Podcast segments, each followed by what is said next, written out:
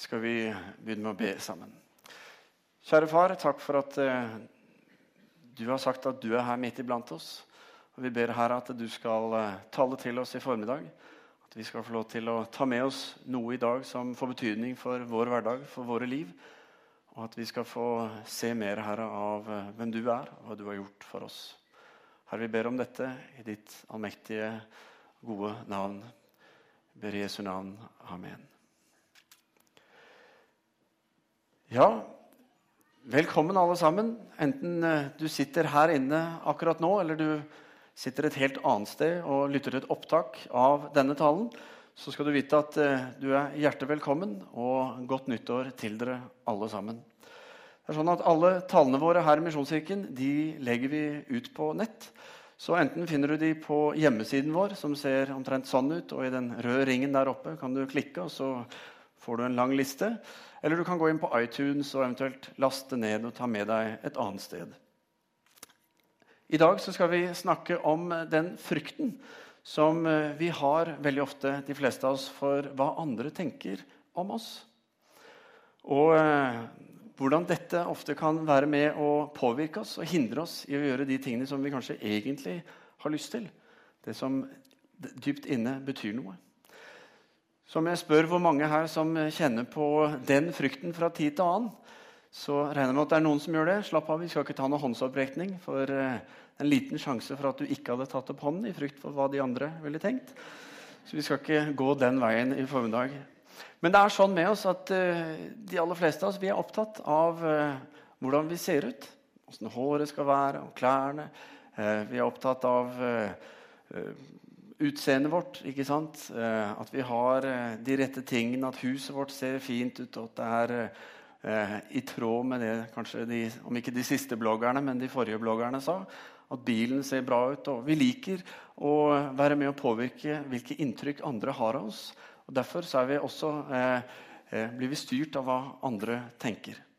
Og så er vi litt redd for å eh, ta valg som får andre til å liksom Oi, hva er det med deg, liksom?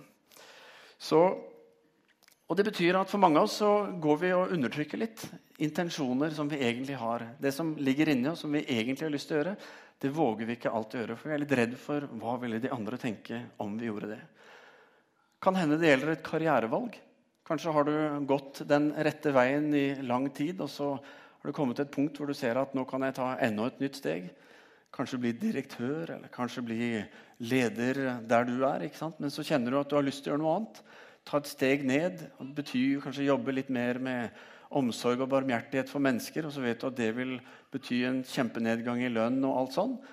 Så våger du kanskje ikke helt å gjøre det fordi ja, Hva vil de andre si, liksom? Det vil være, mange tenker at det var et dumt valg. Eller kanskje du har en tro. Tro på Gud som du syns er vanskelig å måte, leve helt etter. Så du eh, Ok, Kanskje senere, kanskje en annen dag. ikke sant? Får dette til. Vet ikke helt. Eller kanskje du er på vei inn i et forhold eh, sammen med en annen, og så opplever du at eh, dette som har med sex å gjøre, er noe som er forventet. Eh, ikke bare av den du er i et forhold med, men kanskje eh, blant venner rundt. Og så har du egentlig lyst til å vente. Du har ikke lyst til å, at det skal være der man starter. Og så har man denne Ok, hva gjør jeg? Hvilket valg tar jeg? Og dette finnes det mange mange, mange eksempler på. Jeg tror vi alle kjenner på dette i vår hverdag på en eller annen måte i større eller mindre grad. Så det vi skal gjøre i dag, er å se på en historie som er knyttet til julens budskap. Eh, og se hva vi kan lære nettopp i forhold til dette. Og vi skal se nærmere på Josef eh, og hans del av dette juleevangeliet som vi har regnet med de fleste av oss har hørt nå i jula. Fordi Josef han handler i en situasjon mellom det å velge det lette og velge det rette. Og han står der. Hva skal jeg gjøre? Hva er det andre ville tenke var lurt av meg å gjøre? Og hva er det Gud opplever jeg Gud leder meg til å gjøre? Og Rammen til denne fortellingen det er jo at Josef han er forlovet. Forlovet med denne unge Maria. Hun var tenåringsjente. De var ganske unge den gangen. Han var noe eldre. Han skulle jo tross alt forsørge osv. Men han er forlovet, og en forlovelse tilbake på Jesu tid det var langt mer bindende enn det det er i dag. I dag så kan vi forlove oss, og hvis det ikke gikk så bra, så ok, vi bryter forlovelsen. Eh, ikke for å få det til å høres enkelt ut, men eh, det er enklere enn f.eks. å bryte et ekteskap. Mens eh, for dem, hvis de skulle bryte forlovelsen, så var det omtrent som et ekteskap. Altså, var, de var ganske mye mer knyttet til hverandre gjennom denne forlovelsen den gangen. Det var faktisk sånn at Hvis Josef hadde dødd mens de var forlovet, så ville man regne Maria som en enke inni dette. Så det sier litt om hvordan det er. Så Vi skal se litt på denne historien, som vi finner den hos Matteus i kapittel 1, og begynner på vers 18. og Der leser vi sammen og står på veggen. Det sier Matteus. Med Jesu Kristi fødsel så gikk det slik til. Hans eh, mor, Maria, var lovet bort til Josef. Men før de var kommet sammen, viste det seg at hun var med barn ved Den hellige ånd. Så kan du bare forestille deg den scenen som er når eh, Maria skal fortelle Josef hva som nå har skjedd. At hun faktisk er gravid. Uh, Josef, du, jeg har noe jeg må fortelle deg. Um, det er litt vanskelig, uh, men det har ikke skjedd noe galt. altså. Men du skjønner, jeg er gravid. Og før du trekker noen konklusjoner Det er Gud som har gjort det. Det er Den hellige ånd som er årsaken til at jeg er gravid. Ok, Er du Josef, vel, så kjøper du ikke den historien. Og ingen mann vil vel kjøpe den historien, bortsett fra deg, kanskje.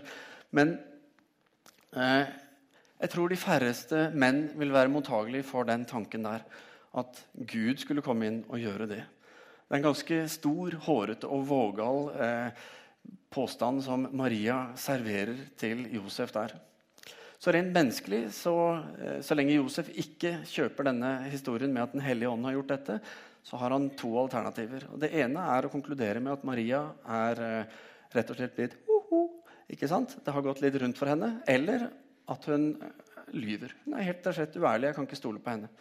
Og uansett, eh, Som mann så har han jo ikke lyst til å gifte seg verken med en som er uh -huh, eller en som er uærlig, som du ikke kan stole på. Og i hvert fall ikke når hun i tillegg er gravid og du ikke er faren. Ok, hva gjør du da?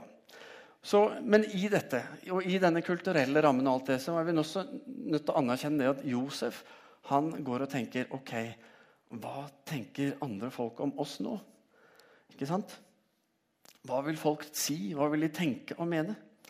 Hvis vi tar Maria sitt ståsted, så er hun på en måte allerede i ulykka. om du skjønner. For Hun er gravid, og hun er ikke gift. Og eh, hvis dette kom ut, og alle det ble kjent, og sånn, så var faktisk risikoen at hun kunne bli dømt til døden for dette. Og steining var den normale måten å gjøre dette på. Så hun var veldig avhengig av hva Josef gjorde med dette.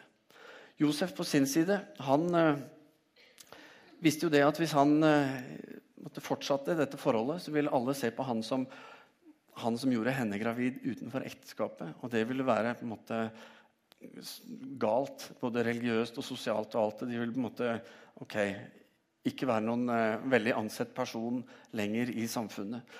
Og eh, skulle han velge å gå fra henne, så uh, Eh, ville han jo ha problemer med å få en annen far til å velsigne han som en brudgomskandidat. fordi han er jo kjent som han som måtte bare stikke fra damene underveis, osv.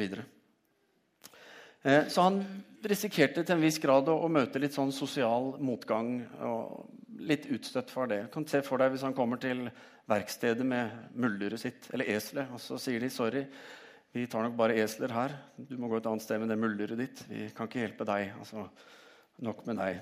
Det var selvfølgelig sikkert ikke skjedd, da, men kanskje. Men Josef han står altså i en vanskelig situasjon, og vi leser videre fra vers 19, hvor det står at Josef, mannen hennes, som var rettskaffen og ikke ønsket å føre skam over eh, henne, han ville da skille seg fra henne i all stillhet.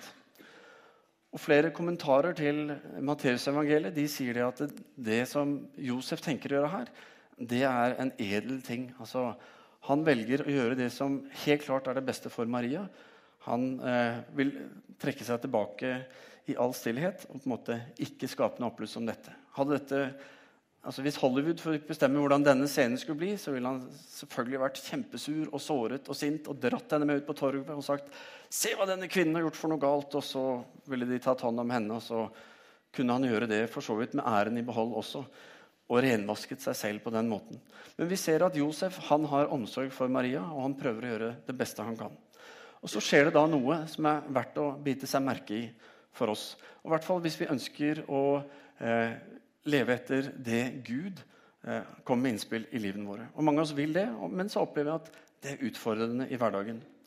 Så en læring som er eh, verdt å ta med seg, det er det som Josef erfarer. Det er nemlig det at å glede Gud betyr ofte å skuffe andre mennesker.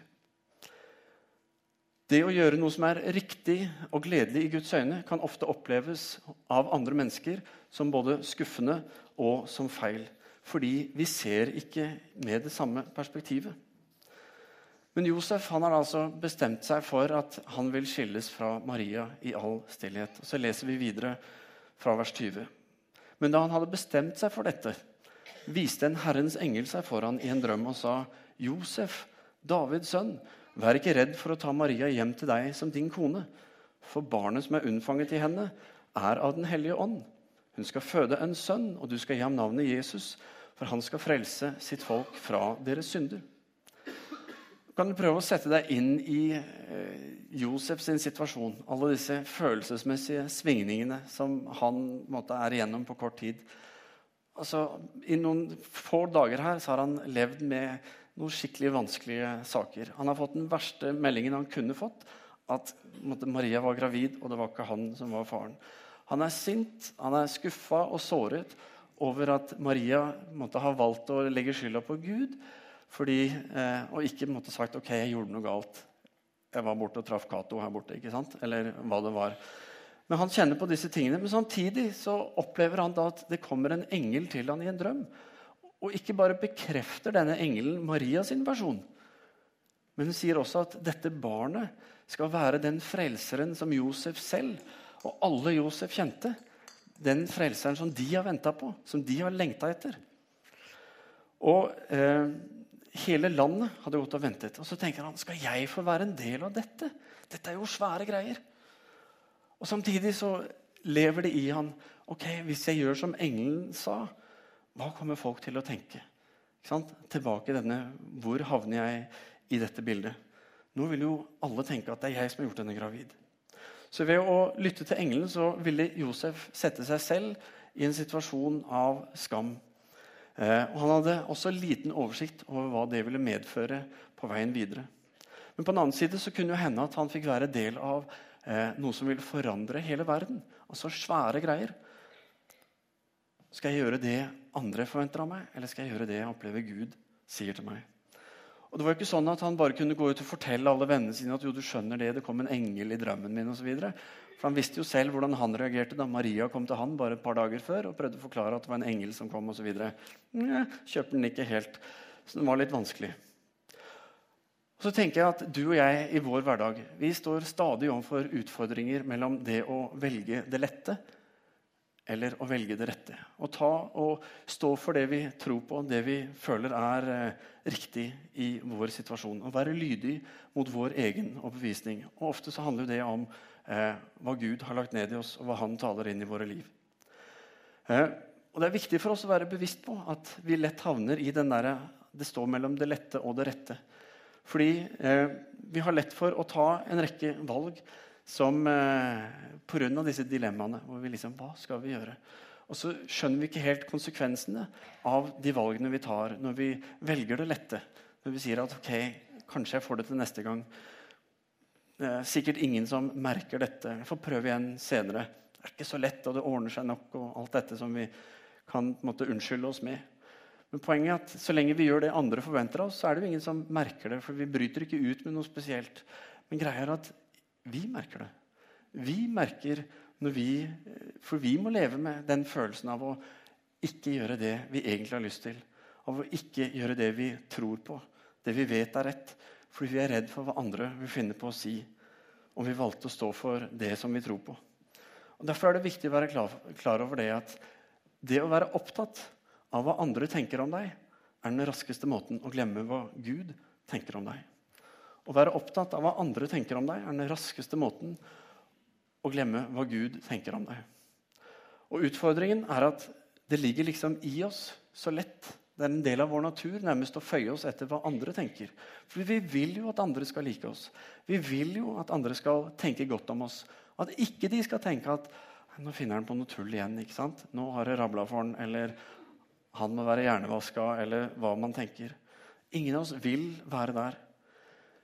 Men så får, da en, eh, så får da dette en konsekvens for mange av de rette valgene som vi skulle ønske at vi kunne tatt. Og så kan vi kjenne oss igjen i en beskrivelse som Paulus har om for sitt eget liv, når han i Romerne 7 sier For jeg forstår ikke hva jeg selv gjør. Det jeg vil, det gjør jeg ikke. Og det jeg avskyr, eller som han sier andre steder, det jeg ikke vil, det gjør jeg. Og Dette gjelder både i de små tingene i livet og i det store. Og Jo mer det skjer i det små, jo mer vil det også skje i det store. Det er som det gamle ordtaket sier mange bekker små gjør en stor å. Og Da blir spørsmålet ja, hva kan vi gjøre med dette? Hvordan kan vi overvinne den frykten som preger oss, og som får oss til å ta valg som vi kanskje egentlig ikke har lyst til å gjøre? Og Det interessante er med det vi nettopp så på, er at dette er fullt reversibelt. Altså, Det gjelder andre veien nå.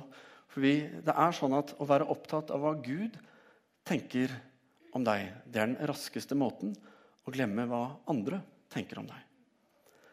For uansett hva vi gjør, så kan vi ikke med alle våre valg gjøre alle til laks. Ikke går det med ørret heller. Det har jeg også prøvd. Unnskyld. Men hovedgrunnen til det er jo at vi er så opptatt av hva andre tenker. Og vi er det pga. at vi frykter. Vi er redde for hva andre skal si og tenke om oss. Kanskje ikke rart at engelen som kommer både til Josef og Maria og til gjeterne på marken, sier 'vær ikke redd', frykt ikke, jeg kommer med et godt budskap.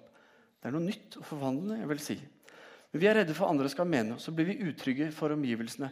Utrygge for å bli satt i bås fordi vi uten å tenke over det selv setter hverandre i bås så altfor ofte. og Derfor lever denne frykten så tydelig i vår hverdag. Og så er ikke dette en problemstilling som bare gjelder for de av oss som sier at vi tror på Gud og ønsker å følge Han. Men det gjelder oss alle, uansett hvor vi er i livet. Vi styres av andre i større eller mindre grad, og så er det med på å påvirke tryggheten vi har i oss selv. Jeg vil mitt liv, jeg tror på Gud. Jeg ønsker å følge Jesus, og jeg ønsker at eh, det Gud taler til meg gjennom Den hellige ånd, skal være ting som jeg både lytter til og handler på. Men jeg utfordres hver eneste dag på nettopp å ta de valgene som reflekterer den intensjonen, det valget, det ønsket om å tro. Og der er jo utfordringen står. ikke sant? Og når jeg feiger ut fordi jeg er redd for hva andre skal si, så skjer det noe. fordi det som skjer, det er at jeg mister en anledning til å erfare hva Gud ønsker å gjøre i livet mitt. Fordi jeg velger bort det å overgi meg selv til Gud og la Han få lov til å komme med sine innspill i mitt liv, i min hverdag. Fordi det handler om jeg våger å tro at han vet hva som er best for meg, og at han vil det beste for meg. Når vi tar hensyn til noen med våre valg, da gir vi dem ære. Men vi klarer aldri å ære alle med våre valg. Velger vi da å ære Gud, så forløser vi noe, er det Bibelen forteller oss. Da skjer det noe at Guds velsignelser, Guds åpenbaring, altså det at han gir oss ny forståelse over han og livet med han. Eh, det som har med hans vilje å gjøre, det som har med det vi kaller Guds rike. Dette er ting som vi får del i fordi troen vår, valget om å gjøre det rette, forløser dette i oss. Eh, og når vi gjør det, så tror jeg også at livene våre blir til velsignelse for andre, de som er rundt oss. Som vi ofte prøver å behage på den måten. Og greia er Når vi bare er ute etter å på en måte stagge vår egen frykt i møte med andre, så er det eneste vi gjør, det er jo på en måte å eh, ordne situasjonen for en periode for en begrenset utvalg mennesker. Og Da har vi en nøkkel for alle våre dype valg og ønsker. Og jeg tenker De fleste av oss tror på Gud i en eller annen grad. Jeg tror det går an å si det. Noen er villig til å gi sitt liv for Gud, mens andre tenker at de tror at de tror på Gud. Men de er litt usikre på kanskje hvordan, det skal, hvordan det skal se ut, fordi de vet ikke nok. Men poenget er det at når vi velger å forholde oss til Gud i tro, ikke fordi vi vet og forstår og har alle svarene, men fordi vi velger å tro at Gud eh, kan gjøre det han sier, og at når vi tror på han, så kan han gjøre ting gjennom oss, at det forløser noe. At det er veldig viktig. Og vi ser det i Norge i dag. fordi når vi i september valgte en ny regjering, og når de slapp til, så ser vi at okay, det begynner å skje nye ting i vår hverdag. ting løses på en annen måte, og ting tilrettelegges på en annen måte. Og Ikke for å sammenligne Gud med den nye regjeringen, men poenget er at når vi sier ja til å slippe noe, en annen myndighet inn i vårt liv, så skjer det også forandringer. Jesaja i kapittel 55 så, han, eh, så skriver han For mine tanker er ikke deres tanker, og deres veier er ikke mine veier, sier Herren. Som himmelen er høyt over jorden, slik er mine veier høyt over deres veier, og mine tanker høyt over deres tanker. Og greia er at Hvis vi velger ikke bare å tro at Gud fins, men men at han ønsker å lede oss og bruke oss i vår hverdag, så er det noe med at Gud ønsker å løfte oss opp til dette perspektivet, hvor vi kan se ting slik han ser det. Og det gir oss ny forståelse, ny åpenbaring, ny visdom i forhold til den hverdagen som vi har. Og det var jo nettopp det Josef fikk. Han fikk det fordi han valgte å tro at det engelen kom og sa til han i drømmen, det var noe Gud ønsket å gjøre. Og Han valgte det selv om han visste at det ville koste. Og det samme med Maria, som også fikk besøk av en engel som fortalte henne at ok, du skal bære fram Guds barn. Og så sier hun ja, la det skje med meg som du har sagt. Altså Hun velger å ære Gud med sitt valg og si la det bli sånn. Og selv om engelen fortalte om at barnet skulle hete Jesus, og at han skulle bli en frelser for folket, så bunner det allikevel i eh, det at det valget som både Maria og Josef tok, det førte til at folk ville begynne å se skjevt på dem. De ville bli skuffa og tenke at dette var ikke bra. Hvorfor har dere gjort dette og alt dette? Men de eh, gjorde dette i tro, selv om de ikke kunne forstå rammene. Så valgte de å si ja til det Gud ledet dem til. Og Det er noe av poenget med å tro på Gud. Når vi tror, så trenger vi ikke forstå alt. Men pga. tro så kan vi få lov til å stole på at Gud vil gjøre det. Og som jeg sa tidligere, Det er gjennom vår tro at Guds liv og hverdag forløses i vårt liv. En kar som eh, levde for mange år siden, som het Albert McMaken. Jeg har fortalt om han her tidligere. Men han var 24 år gammel, han var bonde, bodde i Amerika, så kom han til et punkt i livet hvor han sa jeg vil tro på Jesus. Jeg vil følge han. Og det han opplevde i sitt liv, det opplevde han var så positivt. Det ga han et nytt perspektiv på livet og fikk han til å tenke at dette må andre også få del i. Jeg vil at andre skal få til være med på dette. Så det Han gjorde, han hadde lastebil, og det var ikke så mange som hadde det på den tiden. Så sa han eh, til folk at hvis dere ville være med Jeg vet ikke om det er han, men omtrent en lastebil på den tiden. ikke sant? Dere kan være med, så skal jeg kjøre dere til møtene. skal dere føre. Dette er spennende saker. Og Særlig så var det en ung bondesønn, en sånn der kjekk pikenes Jens, som Albert opplevde at Gud minte ham på. Få med deg han, liksom. Men han ville ikke. Han var mer opptatt av å løpe etter damene. Han var ikke så interessert i Gud. Og hva i all verden ville de andre tenke om han begynte å gå på møter? Så han sa nei. Helt til Albert sa du, bli med, skal du få kjøre lastebilen min. Sant? Er du uh, ung gutt, så klarer du ikke å si nei til den. Da blir du med. Og det som skjedde var at Han ble med. Og første møte så holdt han seg bare ved lastebilen. Han gikk ikke inn og var med på eller noe. Kanskje hørte han noe utenfra, men han holdt seg unna. Og Neste gang så begynte han å kikke litt inn, og etter hvert så ble han sittende der inne og være med Albert på møtene.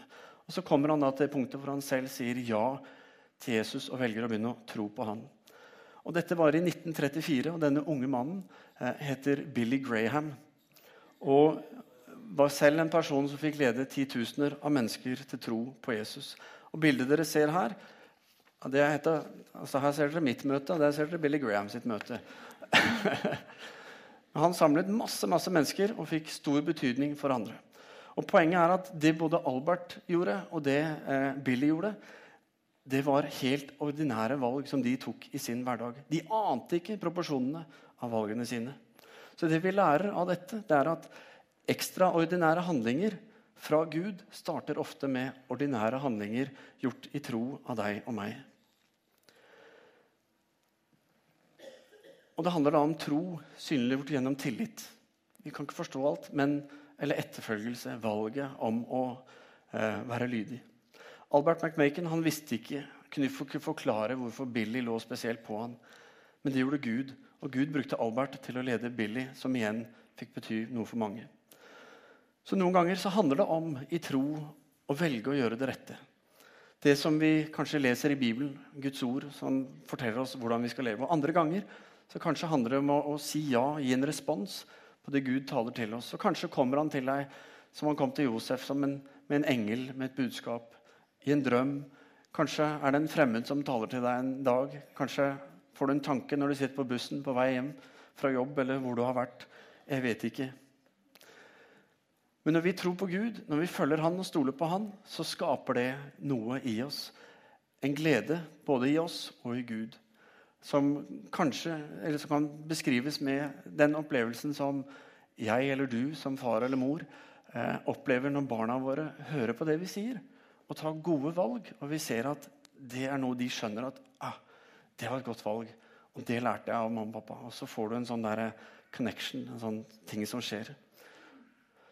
Og det som er så spennende med å tro, derfor, det er jo at når vi velger å handle i tro, velger å gjøre det rette, så aner vi egentlig ikke hva vi setter i bevegelse. Små, enkle handlinger som du og jeg gjør, kan ha kjempekonsekvenser og stor betydning for andre mennesker. Så til avslutning så har jeg lyst til å utfordre deg i denne tiden hvor vi er inne i nyttårsforsettene.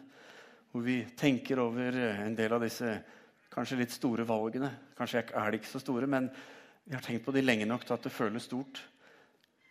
Kanskje skal du la et av dine forsett være, selv om vi på en måte har passert nyttårsaften. Du trenger ikke å vente et helt år med å ta dette. Men at du skal på en måte bare velge det å være mer opptatt av hva Gud tenker. Og mindre opptatt av hva andre tenker. Og etter hvert som du gjør det, så blir det lettere både å lytte til Gud og også å følge Han. For som Josef tok sine valg, så fikk han være med på noe av det største Gud gjorde midt iblant oss. Ved at han ble menneske og kom og viste oss hvem han var.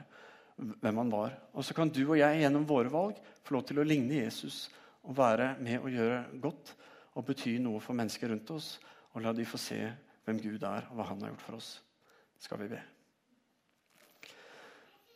Kjære himmelske Far, takk Herre for at du har kommet ned til oss. Takk for at du har vist oss hvem du er. og Takk, Herre, for at du kaller oss til å følge deg. Til å være med og ta de rette valgene. Til å være med og skape forandring. Eh, fordi vi følger deg, og fordi du, Herre, ser så uendelig mye mer og kan gjøre så uendelig mye mer. Fordi du er Gud, og du er allmektig. Og takk, Herre, for at du lever midt iblant oss i dag. At vi kan komme til deg med våre liv. At vi kan få lov til å eh, lære deg å kjenne. Akkurat som Billy gjorde. Han kom på møte etter møte. Eller vi kan få eh, ekstraordinære møtet med deg, som Josef gjorde. Eller Herre, at du bare fortsetter å tale til oss i det indre som du har gjort til i dag. Men Herre, takk for at du har større ting for oss. Takk for at du ønsker å lede oss inn i det. Så vi ber Herre om at du skal gi oss mot og vilje Herre, til å velge det rette framfor det lette. At vi skal være mer opptatt av hva du tenker. Fordi det livet du har for oss, det er noe du har skapt, noe du har bestemt fra lenge før vi ble til, Herre. Og så ser du og kjenner oss, og du vet hvilke valg og ønsker og tanker vi har. Og så, Herre, ønsker du å være med og leve inn i det og vise oss den beste og rette vei. Så Herre, takk for at du kommer til oss, og at du ønsker å være en del av vårt liv og vår hverdag. Hjelp oss, Herre, å våge å, å, å tro og ta imot, Herre. Og begynne i det små. og så kan vi se mer og mer av deg etter hvert. Vi priser deg, far, i Jesu navn. Amen.